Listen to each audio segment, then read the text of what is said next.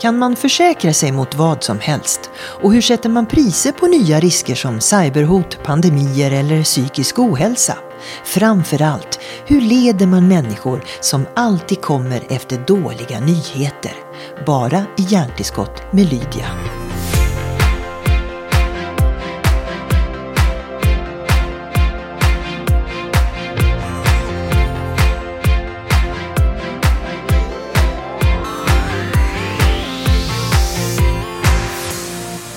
Gunilla Svensson! Hej! Hej Lydia! Jag är så glad att jag får komma och hälsa på dig eftersom eh, det är kanske en av de vackraste utsikterna man kan ha från ett kontor. Ja, vi är ju så bortskämda här. Det är ju så fantastiskt att sitta här precis bredvid slottet och på Skeppsbron 2 precis i hörnet med utsikt över både Stockholm och vatten och Östermalm och jättevackert. Ja. Nationalmuseum. Ja, jag är också glad att få komma ut lite från de här mörka, stu mörka studiorna som vi har.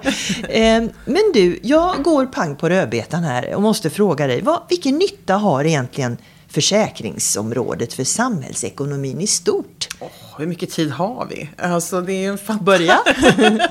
det är en fantastiskt viktig del utav samhällsekonomin. Det är ju det här med att bidra till stabiliteten i samhället. Att bidra till att faktiskt människor har modet att investera i saker som man kan försäkra om någonting går åt peppan. Men också naturligtvis de frågorna som handlar om modet mellan människor. Ansvarsförsäkringen är en dold eh, sak i hemförsäkringen som vi kan återkomma till. Varför det är viktigt. Så försäkring har en fantastiskt stor inverkan. Och så har vi ju både liv och pension. Så försäkringssektorn i samhällsekonomin är jätte, jätteviktig. Varför är den då så fruktansvärt tr- tråkig? Ja, det får stå för dig. eh, Men, Men i allmänhet när man säger Ja. till folk, "Jag- jag ska prata om försäkringar med min nästa gäst i, i, i podden. Men gud så tråkigt, kan det vara roligt? Och jag är ärlig med dig nu, alltså folk, det, det, den allmän, och, och även jag själv tänker, hmm, Jag brukar ju säga så att om en filmregissör ska placera en, en tråkig människa och man ska få en personlighet direkt, då gör man den personen till försäkringstjänsteman. Så jag skyller mycket på Hollywood, för de har förstärkt lite stereotyper. Men vi är inte heller idag, 2022, så är inte vi så duktiga heller på att liksom förändra den bilden. Så jag passar på nu då. Alltså försäkring... ligger, det ligger mycket i det faktiskt. Det är ju upp till er själva. Eller hur? Det är upp till oss själva. Det är en, alltså branschen är ju full med nya utmaningar på grund utav att den är samhällsviktig och den genomströmmar allt. Att börja jobba på ett sakförsäkringsbolag, det gör att man tar del av nyheter på ett nytt sätt. När det brinner någonstans, då tänker varenda person som jobbar här hos oss, undrar vem som har det där? Undrar vem som har det försäkrat? Polarbröd. Alltså det behöver inte vara så stora sensationella saker. Men Och Polarbröd var ju då företaget som brann ner eh, nästan till grunden va? Och som var en av Sveriges största eh, sakskador tror jag. Den är nästan över miljarden. Och det är klart att fanns inte försäkring då, då hade inte Polarbröd funnits och haft igång sin produktion idag. Så det är väl ett bra exempel på hur det fungerar med försäkring. Men eh, för, som sagt, det här med ointresset, det tror jag handlar om människors i grunden riskaversion. Man vill inte tänka på vad tråkigt som kan hända. Man vill inte tänka på hur det blir sen när jag slutar jobba eller när jag dör. Det finns en sanning i försäkring att män brukar säga om jag dör och kvinnor säger när jag dör. Så kan vi inte, kan vi inte fördjupa oss i det så mycket. Men, men, men det finns ju någonting i det där med att försäkring träder in när någonting trist har hänt oftast. Och det är ju någonting som man försöker undvika. Så jag tror att det börjar lite där faktiskt. Mm. Är, det alltid, ha, ha, är det alltid lätt att ha med kunder att göra? För jag menar, det handlar ju oftast att man kanske har mest kontakt när just det tråkiga har hänt. Och då säger ju det någonting om hur duktig man måste vara och hur mycket man måste tycka om människor för att vara duktig på skadereglering. Alltså vi börjar, precis som du säger, på minus i början av det där samtalet. Det är, det är tungt, jag måste ringa och så ska jag ha det där samtalet och berätta den här tråkiga händelsen igen eh, på sakförsäkringssidan. Och det är naturligtvis att vända det och få en människa att tycka att jaha, det blev ganska bra det här. Eller förstå åldersavdragens betydelse, att man har en självrisk. Det finns också många negativa saker i den händelsen ytterligare. Men de som har varit med om riktigt stora händelser i form av brand eller en jättestor vattenskada, då blir ju kanske 1500 och eh, till och med 10 000 i åldersavdrag ganska lite till förhållande till någonting som kostar flera hundratusen.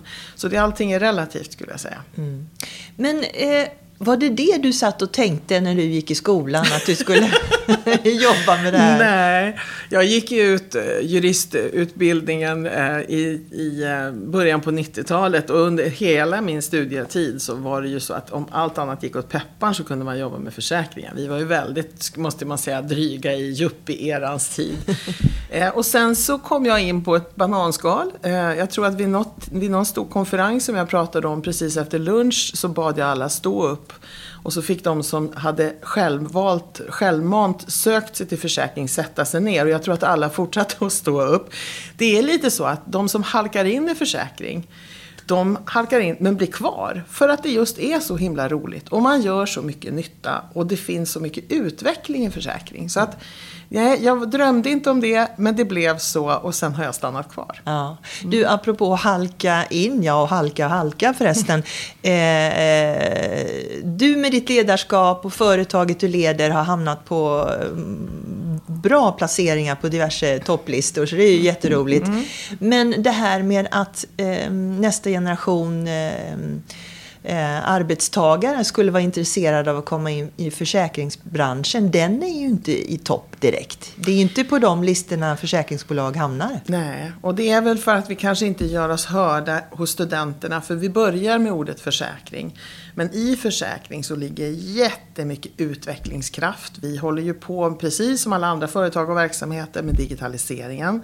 Lägger stora resurser på det för att kundmötet ska flytta sig och bli lite mer logiskt. Men vi behåller också, i vart fall för dina försäkringar, så är det personliga kundmötet fortfarande jätteviktigt. Så vi är en blandning, i alla fall här hos oss, kring det personliga mötet och utvecklingen. Och det där, att prata olika till olika yrkesgrupper, det är också någonting som vi behöver bli bättre på. Mm. Och också förklara försäkringens vikt för unga människor som idag inte flyttar hemifrån som man gjorde förr på samma sätt och skaffar sig ett boende. Utan man kanske surfar på soffor eller i andrahandslägenheter ganska länge och äger en cykel och en laptop och en telefon and that's it.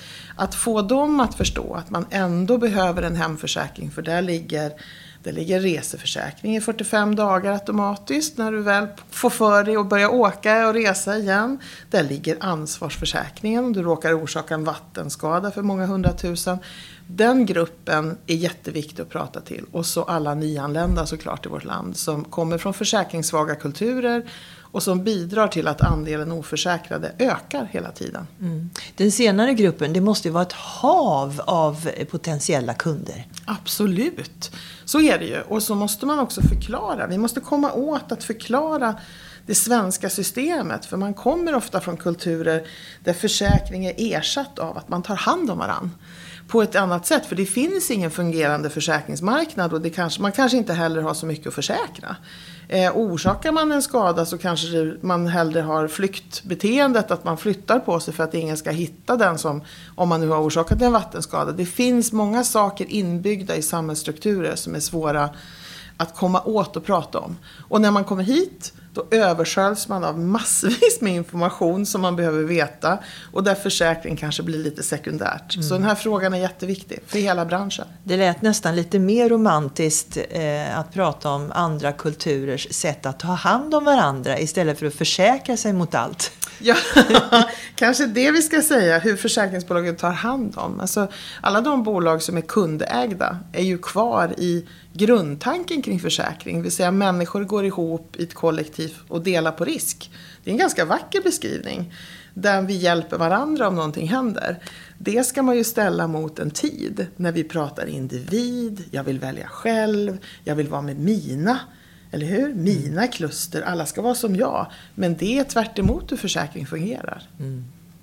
Red ut vad dina försäkringar är eh, jämfört med dina försäkring. Eh, alltså det är en begreppsförvirring här. Va, ja. va, vad, är, vad är det för bolag vi sitter på här idag? Ja, vi sitter på ett jättegammalt, ett jättegammalt bolag som är 254 år gammalt. För själva grundidén, man får ju säga att vi har haft en affärsidé som håller. Och det är ju just det här med att gå ihop och dela risk. Så vårt ursprung är egentligen små byars sammanslutningar till att dela på den största risken som fanns då, nämligen brandrisken. Att det skulle faktiskt brinna ner, hus satt ofta ihop. Eller så var det också en katastrof då, precis som det är idag. Eh, och det där grunden, det fanns brandstodsföreningar. Och de brandstodsföreningarna blev sen försäkringsbolag. Och vi är nu ett försäkringsbolag som är sprunget ur väldigt många sådana mindre föreningar eh, som har blivit det här bolaget. Och idag så är Dina Försäkringar ett, en federation som eh, fem stycken kundägda bolag äger det här bolaget som vi sitter i nu och den fastigheten som man också äger. Eh, som är kundernas ytterst. Så det är kunderna som äger Dina Försäkringar. Mm. Eh, hur ska vi som kunder då, som, eller som potentiella kunder, eh, kunna göra hållbara försäkringsval när vi inte ens fattar vad det innebär? Ja, hållbarheten i försäkring handlar ju Och vad är hållbarheten för er, måste jag väl ändå säga? Det är ju en jättekomplex fråga och otroligt modern, eller hur? Eh, vissa saker har försäkringsbranschen hållit på med i, jobbat med hela, ska man säga, moderna industri eller tekniksidan. Försäkringsbranschen har drivit på till exempel hur man arbetar för ett hållbart arbetsliv genom att vägra att jobba tillsammans med verkstäder som en gång i tiden inte skaffade så kallade lackboxar som hade ventilation och där man lackade en bil så stod man inte i de här ångorna och blev sjuk. Försäkringsbranschen var jättebetydande i att tvinga igenom den förändringen. Så det finns ju liksom en sak som handlar om sakförsäkringars påverkan. Hur vi reparerar, att vi jobbar med de som reparerar, jobbar med återvunna bildelar. Att vi arbetar liksom med hållbara material, att vi trycker på kring det. Att vi inte jobbar med utrotningshotade träslag. Den typen av saker, där har försäkringsbranschen en påverkan. Eh, den andra delen av försäkring som ju är den största delen när det gäller liv och pension men som också är en stor del när det gäller sakförsäkring det är ju hur vi placerar de pengar som vi måste hålla i ladorna för att kunna ha verksamhet. Och där behöver vi ha hållbarhetspolicies, vi behöver välja vad vi försäkrar eller vad vi lägger våra pengar i och hur vi har placeringsstrategier och så. Så hållbarheten är ett ganska stort område i försäkring. Mm. Eh, men det här med alla möjliga ehm, konflikter och osäkerheter och risker som hela tiden verkar finnas i omvärlden måste göra att ni måste stå emot så mycket.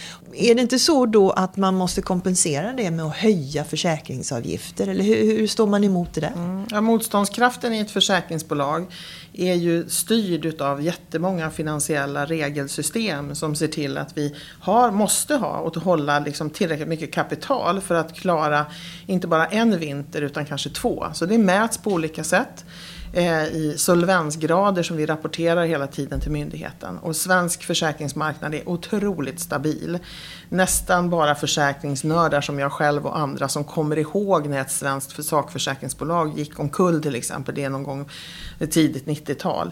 Så att det, det, är väldigt stabilt här. Det är det inte i alla länder ska man säga. Så att det, det är en stor skillnad. Men de europeiska regelverken de slår ju över hela EU såklart. Så det, vi kan ju tycka kanske att vi hade en väldigt stabil marknad redan innan och så kommer regelverk. Det kommer hela tiden nya. Eh, det är den ena motståndskraften. Det andra är ju naturligtvis hur vi räknar och sätter pris på nya risker. Cyberriskerna är ju en sån sak. Alltså den produkten fanns ju inte på det här sättet som den krävs nu för tio år sedan. Då, då, då kanske det fanns som en idé någonstans att någon tänkte att det där kan ju vara bra. Men nu har ju den marknaden exploderat. Och exploderat också i så mått att de första produkterna som kom de kommer inte att vara hållbara att erbjuda marknaden längre. För det är för frekvent. Det kommer inte att gå. Bolagen går omkull i sådana fall. Så att det, det finns också en återförsäkringsmarknad för försäkringsbolag. Där vi återigen, hos, precis som vi som vanliga kunder, försäkrar oss. Och den marknaden är global och den påverkas jättemycket av de stora bränderna, de stora översvämningarna och också cyberriskerna nu som slår över hela jorden. Så det där är ett ganska komplext system. Mm. Men hur försäkrar man då när människor blir sjuka? Har pandemin medfört att det har poppat upp nya typer av försäkringar? Nej, inte nya särskilt mycket. Däremot fick väl kanske alla försäkringsgivare eller alla arbetsgivare fundera över vad som skulle hända med arbetsskador som uppstod i bostaden till exempel och göra en tilläggsförsäkring kring sina anställda. Men några särskilt jättenya spännande produkter på grund av det kom inte. Alltså marknaden är hyfsat statisk ska man säga. De bolag som försöker slå sig in på marknaden och vara väldigt digitala, de erbjuder fortfarande ett ganska ett ganska likt grundkoncept som, som tidigare. Man kanske skalar bort en del och man tar bort en del produkter och man är väldigt smal i sitt erbjudande. Men det är ganska likt eh, resten. Mm. Finns det någonting som eh, man inte kan försäkra sig mot idag som du faktiskt skulle vilja att man kunde? Alltså, min prio på den listan, det är faktiskt att alla de som kan omfattas av en hemförsäkring skulle göra det. Om jag får önska mig, istället för nya produkter, så är det faktiskt det. Idag är det nästan en halv miljon människor i Sverige som inte omfattas av en hemförsäkring. Det kommer att bli ett problem om vi inte liksom klarar av att göra det. Så för mig är det absolut topprio, skulle jag säga att alla Um, och det där med, med nya produkter, ja, jag vet inte. Alltså jag låter ju väldigt konservativ när jag säger, men jag, jag, jag är väldigt skeptisk till det som lägger sig på toppen av allt. Uh, och jag kanske får pisk för det här, men alltså när man blir erbjuden att teckna en tilläggsförsäkring när man står där och köper sin nya stora TV eller någonting. Så om jag svarar då, jag jobbar i försäkringsbranschen, då slutar försäljningsargumenten. Därför att vi vet egentligen att de där, den där självrisken jag har i min hemförsäkring, den kommer jag gärna att betala om den här går sönder direkt. Och det finns garantier och det finns annat. Så det är en ganska onödig sak på toppen. Och man tjänar rätt bra med pengar. Så vi går tillbaka till grunderbjudandet så är det faktiskt väldigt heltäckande för vanliga människor. Så vad du säger, först och främst om man ska eh, städa upp i sitt eget försäkringsmedvetande så är det skaffa hemförsäkring. Mm. Säg nej till alla tilläggsförsäkringar när du köper prylar. Ja, i alla, fall, i alla fall tänk efter noga om du verkligen behöver den där tilläggsförsäkringen. Skulle jag säga. Sen kanske det finns anledning att försäkra ett särskilt smycke eller en klocka eller, eller något särskilt fint som man har, absolut. Men, men generellt i ett vanligt hem så, så täcker en hemförsäkring enormt mycket. Och så finns det tillägg på hemförsäkringen som gör att den blir ännu mer omfattande. Så vill man säkra upp sig så kan man göra det. Mm. Men du måste ju ha efter alla dessa år otroliga så kallade försäkringshistorier. Ja. Kan du inte dela med dig av något av det som ändå, som kanske har lett till skratt eller kanske något ännu värre? Ja, men alltså nu, jag, jag tänkte faktiskt häromdagen på på, när, när nu vi går mot sportloven, så en av de bästa skadeanmälningar som jag någonsin har sett, vet inte hur gamla, gammal man måste vara för att komma ihåg pyjamaspapper. Kommer ihåg de här vikta som, man, som trycktes ut såna här långa lister på? De var randiga och så satt de ihop. Kommer du ihåg dem? Ja, ja. Som var veckade. Och då öppnade vi en, en, en olycksfallsskada och då ramlade det ut ett sånt där pyjamaspapper och så stod det börja här längst ner och så var det jag första dagen på första sportlovsdagen. Jag åker i backen och så hade en människa ritat hela vägen och hon jublade och det var fint väder och de åkte upp och så, och så kom man upp till toppen på det där pappret och så stod det första åket, hurra, tjoho! Och så började jag åka, ramla, rulla, rulla benet av, slut sportlov. Sånt kommer vi inte att få se längre eftersom det är digitaliserat och vi har digitala anmälningar. Så det kommer att bli spännande att se framöver hur människor är kreativa i sina anmälningar. Vi har ju, alltså det som man kommer ihåg är sådana man kan skratta åt, men man kommer också ihåg en del öden som inte lämnar en. Alltså personer som har varit med om så här osannolika händelser där man tänker att undrar hur det gick för den där personen. För det får man ju inte gärna veta när man har skadereglerat klart. Ehm, så att det, ja, jag vet inte vad jag ska plocka ur min, min minnessäck. Men jag, jag, jag till exempel personligen, jag går inte under, även om det är tillåtet, så går jag inte under byggnadsställningar i stan till exempel. Är du skrockfull? Nej, men jag vet att det är, finns ingen som jobbar där som har tänkt på morgonen att man ska vara lite fumlig och tappa ett redskap från sjätte våningen som går, åker rakt ner i gatan. Men det händer. Och det tror jag man blir väldigt medveten om när man jobbar med, med sakförsäkring. Att saker händer hela tiden som, som, ingen, som alla vill undvika men som ändå inträffar. Mm. Um, Mm. Kan, kan, kan, du och dina kollegor vara lite jobbiga att resa med till exempel? Ni ser risker i allt och det kan man ju naturligtvis göra. Nej, men kanske inte risker i allt, men man kan se, man kan um, jag tänker att man kan eh, tänka efter. Man ser på alla bagageförseningar så kanske man ta, alltså jag tror det är bara vanligt, vanligt, eh, vad ska man säga, omsorg om sig själv. Men att man packar kanske lite extra i handbagaget för man vet att det försvinner ganska många resväskor som kommer fram några dagar senare och sådär. Jo, det tror jag. Vi, vi är nog lite jag vet en tid när jag började i försäkring. Då tänkte jag varje dag, då bodde jag på två trappor och varje dag när jag gick runt hörnet på sista trappan så tänkte jag, nu har jag haft inbrott. Nu har jag haft inbrott. För jag hade en sån liten tårtbit av världen så jag tänkte att det är inbrott var femte minut i hela Stockholm. Och så är det ju såklart inte. Nej. Och tur är väl det naturligtvis. Men ibland kan man ju känna att om man inte röker, om man sköter sig själv och sådär, att man borde premieras eh, i olika försäkringar. Att mm. man, man får betala som man lever. Mm. Eh, man får eh, betala motorfordonsförsäkring som man kör. Mm. Eh, istället för bara mallas in med alla andra som kanske kör som galningar och, och super och röker och mm. vad man nu kan göra för att misshandla sig själv. Ja. Vad tänker du om det då? Ja, det var ju lite det jag sa där om att försäkringens grundidé är ju att ett kollektiv delar på risker. Och i ett kollektiv så finns det alla sorter. Och Sverige är ett litet land. Det är 10 miljoner lite drygt som bor här. Om vi ska börja klustra oss och du vill bara försäkra dig med de som lever som du och jag vet inte hur många hundratusen det är och jag vill bara försäkra mig med de som lever som jag. Så de små klustren, de kommer att automatiskt få högre premier till slut. Den som är allra, allra först att plocka ut ett kluster kommer att kunna göra en affär på det som är hållbar. Men till slut så i, på 10 miljoner så går det inte att klustra hur mycket som helst. Och det där, det är ju liksom en motsättning i försäkring och då börjar vi komma till de, det är de stora talens ekonomi. Så det behöver i sådana fall att bilförsäkring kan klustra sig på andra sätt i England eller i Tyskland som är stora ekonomier. Där kan du hitta lite andra kluster. I Sverige är det lite svårare ska jag säga. Mm. Eftersom vi är ett litet land. Eh, och det där med att man ska vara med alla de som är likadana. Ja, det är som sagt tidens tecken. Men man kan också tänka tvärtom, att man faktiskt hjälper till. För du har också dina brister. Och du har dina beteenden som kanske slår någon annanstans. Så att eh, det är som sagt lite på skrå mot, en, mot affärsidén. Eller, och, och, och själva grundidén i försäkring. Mm. Vad ser du för övergripande trender nu med, med allt det som vi nu har blivit mer erfarna av? Vad är på gång inom branschen som, som vi eh, vanliga konsumenter och kunder kan få upptäcka. Ja, men, men det är klart att vi är ju berörda av alla de förändringar som sker i, i, i, i naturen, i, i frekvensen utav olika typer av naturhändelser som kommer att påverka oss. Det har på, påbörjats ett sådant arbete med en av de största försäkringsgivarna som är väl tveksam till att försäkra eh, vattennära bostäder med källare till exempel.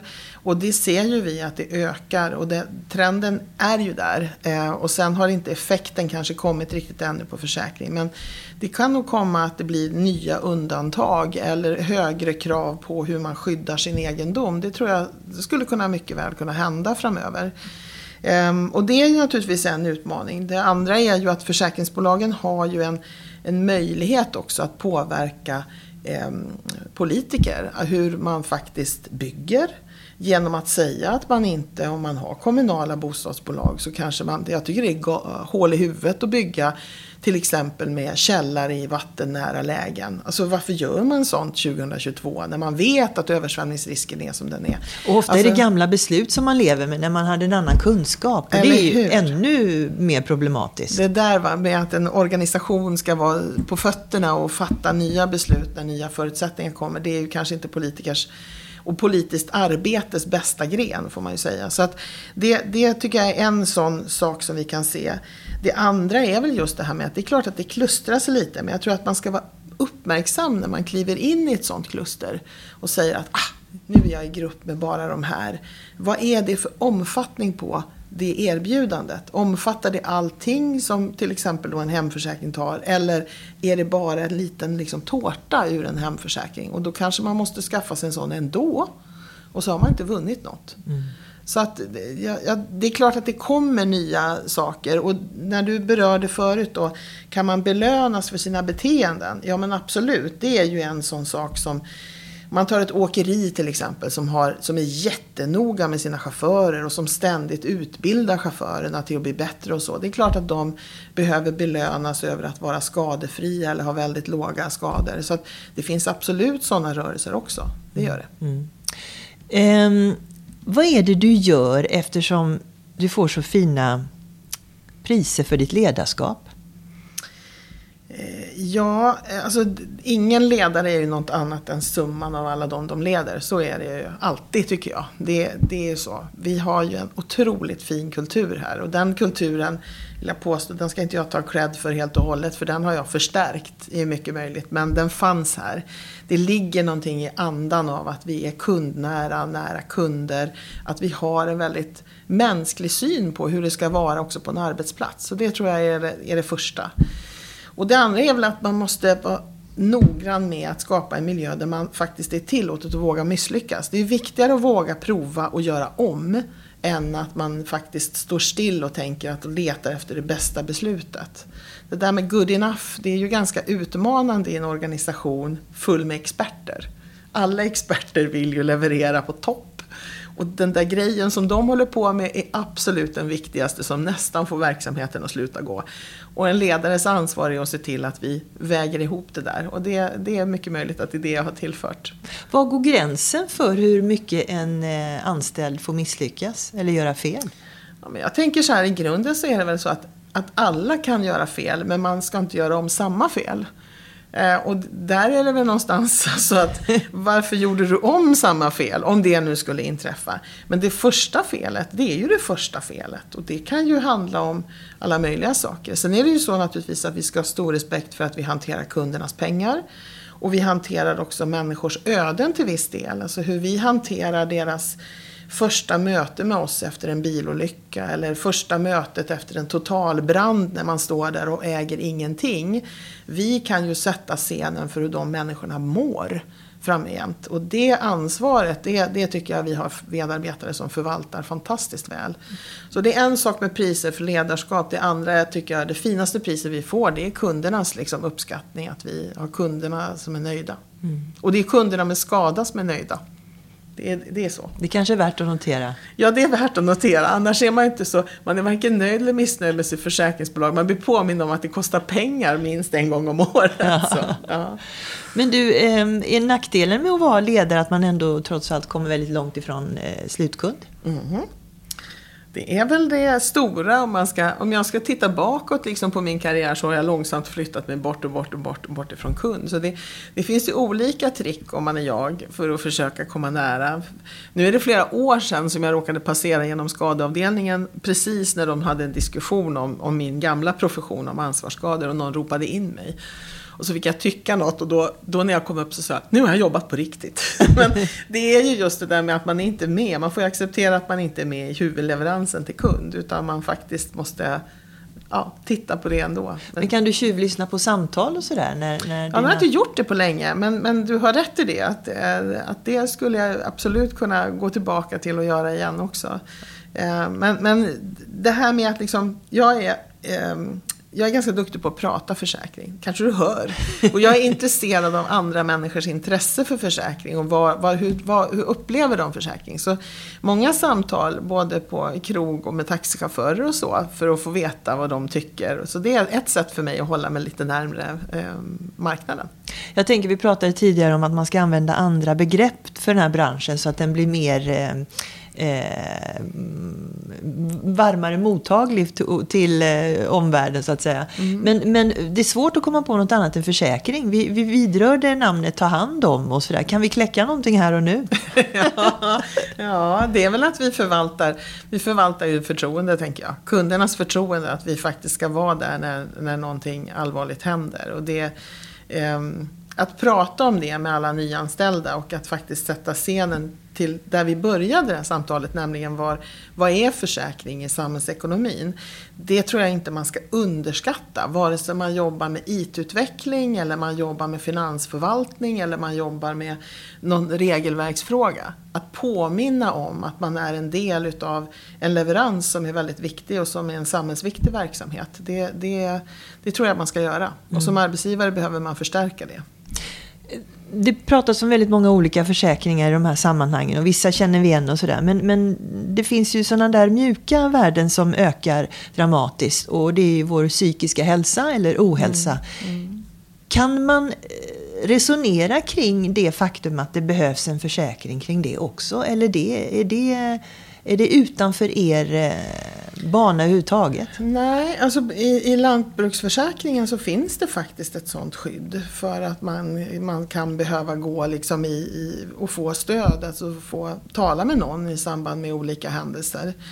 Och jag tror att det kanske kommer ifrån att lantbrukare är så nära sin verksamhet. Den, den, det finns inte på samma sätt i företagsförsäkringen men det som har hänt nu under pandemin skulle absolut kunna aktualisera en sån fråga också om man behöver det skyddet. Lantbrukare är ju så enormt nära och har ju över historien varit väldigt nära sina djur dessutom som ibland brinner inne till exempel i en brand och det är en verkligen katastrof. Ehm, så det finns absolut sådana tendenser. Och sen finns det ju i sjukvårdsförsäkringen så finns det ju sådana, såna, i den produkten så finns det. Men generellt har vi ju inte det. Ehm, jag tror att, att det är väldigt uppdelat mellan sak och mellan liksom, eh, psyke, om man får säga så. Det är en, en fördelning däremellan. Och kanske att hela människan är, behöver tas om hand på ett annat vis. Det, det, det kan mycket väl vara en produktutveckling som du är på där Lydia. Mm. Ja. Då var det någonting vi kunde komma på idag i alla fall. Hur sticker eh, det här försäkringsbolaget ut jämfört med andra? Nu blir det, eh, jag tänker inte att du ska hålla på med någon slags säljpitch, men, men, men det finns ju en del försäkringsbolag vars namn är etablerat. Mm. Eh, jag kan inte påstå att eh, det du står för är det mest kända, men Nej. det har fått bäst rating så många gånger. Mm. Och det där får inte jag ihop riktigt. Nej, eller hur? Visst är det spännande? Ja, men det jag tror att det är återigen det här med att vi är vi är ömsesidiga som verksamhetsformen heter, det vill säga kundägda. Och vi gör stor skillnad i lokalsamhället. Och lokalsamhället, alla de bolag som är ömsesidiga är påtagligt närmre kunden får man säga också i vardagen. Vi sponsrar eh, overaller i eh, idrott, vi är liksom jättenära kundernas vardag och det syns på många olika ställen. Så det tror jag är ett sätt att göra en skillnad på när man har förvaltat kundernas pengar, att man är viktig. Och det är den sociala hållbarheten som vi är rätt duktiga på, som vi har hållit på med väldigt länge. Eh, den andra frågan som har varit viktig härifrån, från Dina AB, som är ju det gemensamma bolaget för alla de fem eh, ömsesidiga bolagen. Det är de frågor som berör alla, det vill säga utanförskap, ehm, vi är aktiva på Järvaveckan där vi tar plats för att visa att vi är ett försäkringsbolag för alla. Och det, det där, alla de här sakerna tillsammans tror jag gör att vi, vi, vi märks där vi, där vi ska märkas. Mm. Men har inte lagt jättemycket pengar på, på att synas i, i reklamsammanhang. Ni tror eh, på mun till mun-metoden kanske? Ja, lite så ja. är det ju. Och så har vi som sagt den där 254 åren av historia. Den har ju gnagt sig in och vi eh, sen Sen 20 år tillbaka lite drygt så, så heter vi Dina Försäkringar. Före det hade vi väldigt lokala namn och var ganska splittrade över landet. Det hette olika saker. Och sockenbolag ibland i slutet eller brandkassa eller brandstod. Så det är relativt, Dina Försäkringar är ett ganska nytt påfund som, som samlingsbegrepp. Mm. Men Gunilla, det är ju mm. så att förr eller senare så måste du också lägga huvudet på kudden och somna. Eh, och då menar jag, ja. och då menar jag bara somna. Ja. Eh, och då brukar man ju alltid tänka på saker som man inte ska tänka på. Antingen är det sådär, oh det här längtar jag efter att göra. Det kan vara både privat eller yrkesmässigt. Eller någonting som oroar dig, både privat eller yrkesmässigt. Alltså vad, vad, du, du kan välja vad du tänker men men du jobbar ju med människor eh, hela tiden och deras utmaningar. Så att jag mm. anar att det kan vara i det häradet. Mm. Ja, under pandemin har det definitivt handlat om om omsorgen om just den mentala hälsan för oss allihopa som har suttit hemma. Alltså ett år, ja men det gick ju i en ganska flygande fläng, eller hur? Och det kändes ganska spännande och nytt. Och sen när man satt där och började referera tillbaka ett år sedan så var det också pan en pandemisituation. Då hände någonting mentalt för mig. Eh, alla mina medarbetare vet att jag en fredag här skickade en fredagshälsning till allihopa som var ett desperat anrop av att nu måste det här ta slut snart. Bara för någon vecka sedan. För det här har liksom tärt. Och det har jag tänkt ganska mycket på. Och överhuvudtaget effekten utav att vi sitter hemma och, och liksom med betoning på sitter. Och sitter hemma i bemärkelsen också att vi, vi faktiskt inte ser andra människor. Jag tror att vi kommer ha ett hårt arbete framför oss att få tillbaka våra sociala relationer. Så.